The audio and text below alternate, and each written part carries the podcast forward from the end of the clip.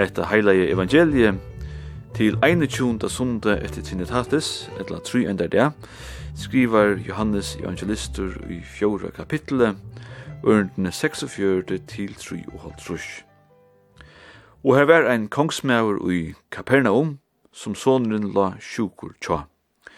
Ta igjen hørte at Jesus var kommet fra Judeo til Galileo, får han til hans herra, og be han komme om han og gjøre sånn sin fryskan, tog jeg at han la et dodja.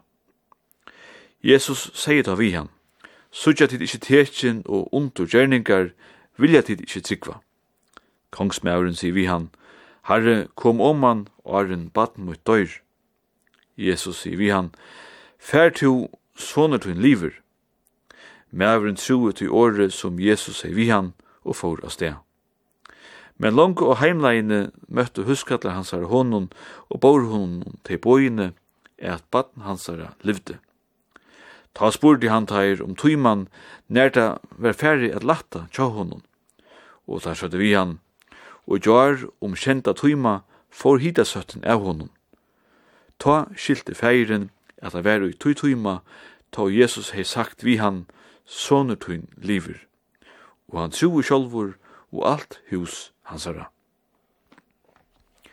I morgen er, som sagt, 21. sunnudagur etter 3. dag, etla Trinitatis. Det er ikke alltid at hesen sunnudavren kommer fire ui kyrkje og ærenon, tui alla halkana sunnudagur kommer oppi middelen sunnudagarnar hesa orsins tui. Men aftur til prætiko tekstin. Vi sutja etta nastan fyrir okkun tog hentan senan etla leikpatteren, teksteren til morgen, kunde eins vel vere leikrit til en gåan og underhaldande film. Ein embatsmæver, ein av dem fynu i bynun, ein embatsmæver tja Herodes Antipas ui Kapernaum, heimbynun tja Jesus, kjemur ui en heilt særlig støvu. Gaman ui heian ivalest horst om hentan timpermannen ur Nazaret, som utan Iva ikkje vær skåren fyrir tungbante, og dutte vel at tåsa. Men Iva lest hever hessen høy herren horst til tei som heva kunna skriva under på at ein profetur sjoldan er vel lyttur og i sunnen egna heimboje. Tui eit er høyre om en slugan ekkjentan person, at anna er a djeva seg til kjennar motvis honom og seta seg i samband vi han. Iva lest hever meirluten av falskjennom i bøynum gjørst ta sema, ypt øksl ta det hørte om Jesus. Men i botten rundt er vi menneske öll jaunstidla ta det kjemme til spurningar om okkara luiv og tilviro. Til håast ta kan vera misjamt og imist gusse okkara luiv er og ta lia seg andalia og tymelige fra byrjan til enda, så har vi korsene til til felags, at det er missande, det er og missande. Her vil være eimast rakt, er ta vi missat hei, vi er gov vi, nastra folk, familia, ja, bøtten. Så må status og posisjon i samfunnet vil her vi, bæra bøttene heva til godt. Og så er det at alt vil enda vent til hesson busjen og bøynun, hesen embatsmæveren for atlan vegin ur Kapernaum til Kana. Hette vi veri om lei ein heilur dævur ta at ferast.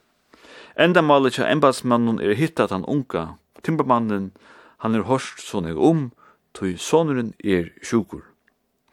Og så er det at han fer hetta sver fra Jesus som han vera satt entan det og det. Sutja tid ikkje tekin og ondur, vilja tid ikkje tryggva.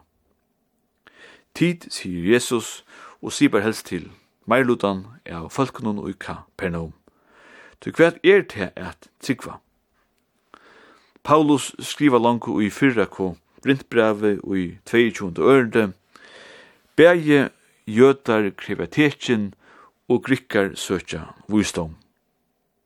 Og ganske skulle vit lagt at rett at vit og i okkara tui kreva prekv ta talan er om okkurst, vit skulle tryggva. Men fyrsta bo eitur enn som avur, tu måst ikkje heva erar godar. Omframt å skriva sina luttlo katekismus, skriva i Luther eisne eina stora katekismus, som eins utan luttla kan vera gau og opplysande. Og i det større spyr Luther, kvært vil det sia at heva ein god, kvært er ein godur. Og Luther sverer, God mestjer ein ui tu vantar ter alt gott av, her du leitar ter sjål ui allar nei. At heva ein god er altså ikkje anna enn at av hjärsta at luta av han og tryggva honom, skrivar Luther. Bera til at elska hendan god, samstundes som vi eisne få vita at vi skulle øttast god. Bera til alt og send. Men hette er korsene ikkje så fløgt. Toi vid øttast eisne tei vid elska. Okkara grund øtti er a missa tei vid elska. At tei svujtja okkun, etla at vid svujtja tei. Og samme hatt er hette ein øtti at vid ikkje megnar elska god, og samme hatt som han elskar okkon. Polske filmsleikstjåren Kristoff Kislovski gjørtes med landa heimskjente fyrir filmsverkje Dekalog og i mørkjer til Tutsjo bøyne. Og i filmen hon om fyrsta bå heva tveir fekkar råkne ut av feltene at uisren og kjøttene utanfyrir frister så mykje at tilbyr a skøyta av honom. Teltan megnar a sværa meir og meira, og fer meir og meira at lúdjas ein hus altare. Hitasti, kuldasti og vevervanir vera öll endanvend og teltene som veit svær om alt.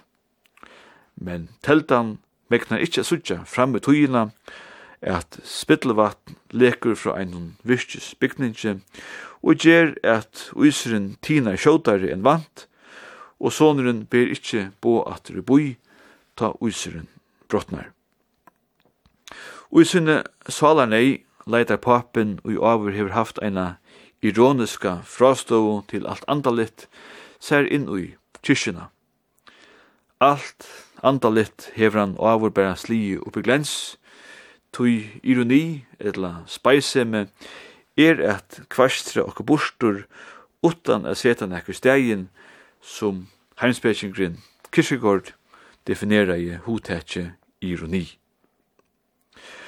Og i sinne øye, og i sinne måttløse, og i sinne frustrasjon, skjeltar papen inn av god.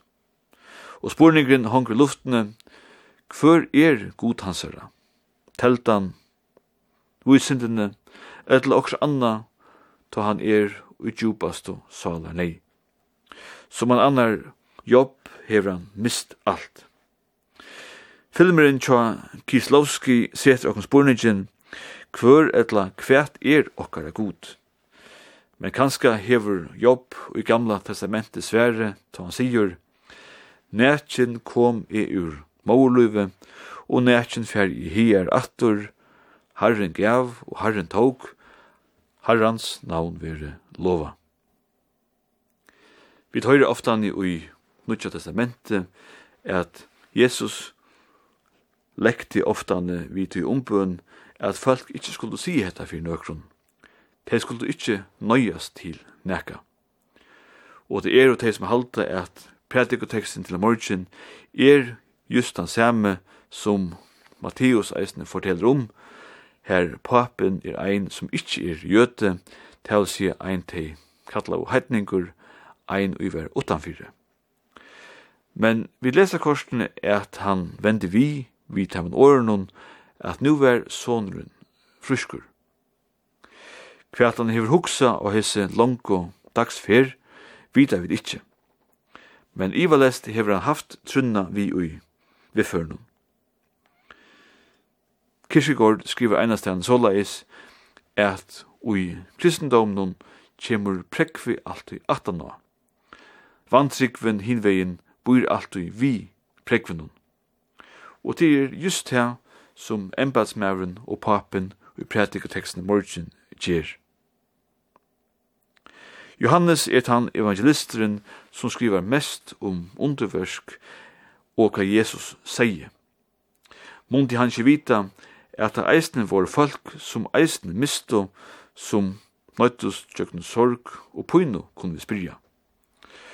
Jo, sjálvandi hever han gjørst her, og kanskje er det just hui Han hef tidsi hesa frasøkn vi og i sutt evangelium, just tui at tryggven kjemur alltui åren pregve. Tu tryggven er anki garanti fyrir a koma snikka leis etla snikka leisur jökna hesa tilveru eins og ta verja jobb. Men skulle vi leita til epistelen som eisne veru lysen og i kyrkjen okkar i morgen, så skulle vi letast ui Guds herklæje som da stendur ui Efesos braunen ui satta kapitlet. Letast ui til hetta luive, ikkje tui at verger mot lusens snuttun, men tui etta er just hetta året skal ber okkom fram sama i honon, som vi årenon er veveren sannleikin luive, som er kærleikin sjolvor, og og som er sjalt åre, og vi veit okkun helsebåt og solabåt, kvier vid så enn genga. Toi sjølteren og svøre er åre, ta åre vi kan skapa, ta ta fer er gods munne, og som kan linna og fauna, om ta verur bore ratt fram av okkara munne. Vid ente kvöld vi salmenon nun lob, mein sel, etla lover nu herren, som Johannes Kugelmann gjør det lært til, og Graman Yrste. Hette er gammalt sibonte kingulea. Vi høyra Kåre Skuirak sinja under leislu av Kara Beck, og det er hans Iversen og eier Solo. Røttena opptøkan er av fløvne flover av ljøse, som er kårtanlegger etter Kåre Bæk, Opptøkene var gjørt i fryrkirkene og i 2004. Gåan, sånn og det. Lover nå Herren, lover nå Herren, ti han er mektig. Det er stort alltid god at takken gjøren, god at takken gjøre. Hans lov er skjønn og livsalig at høre,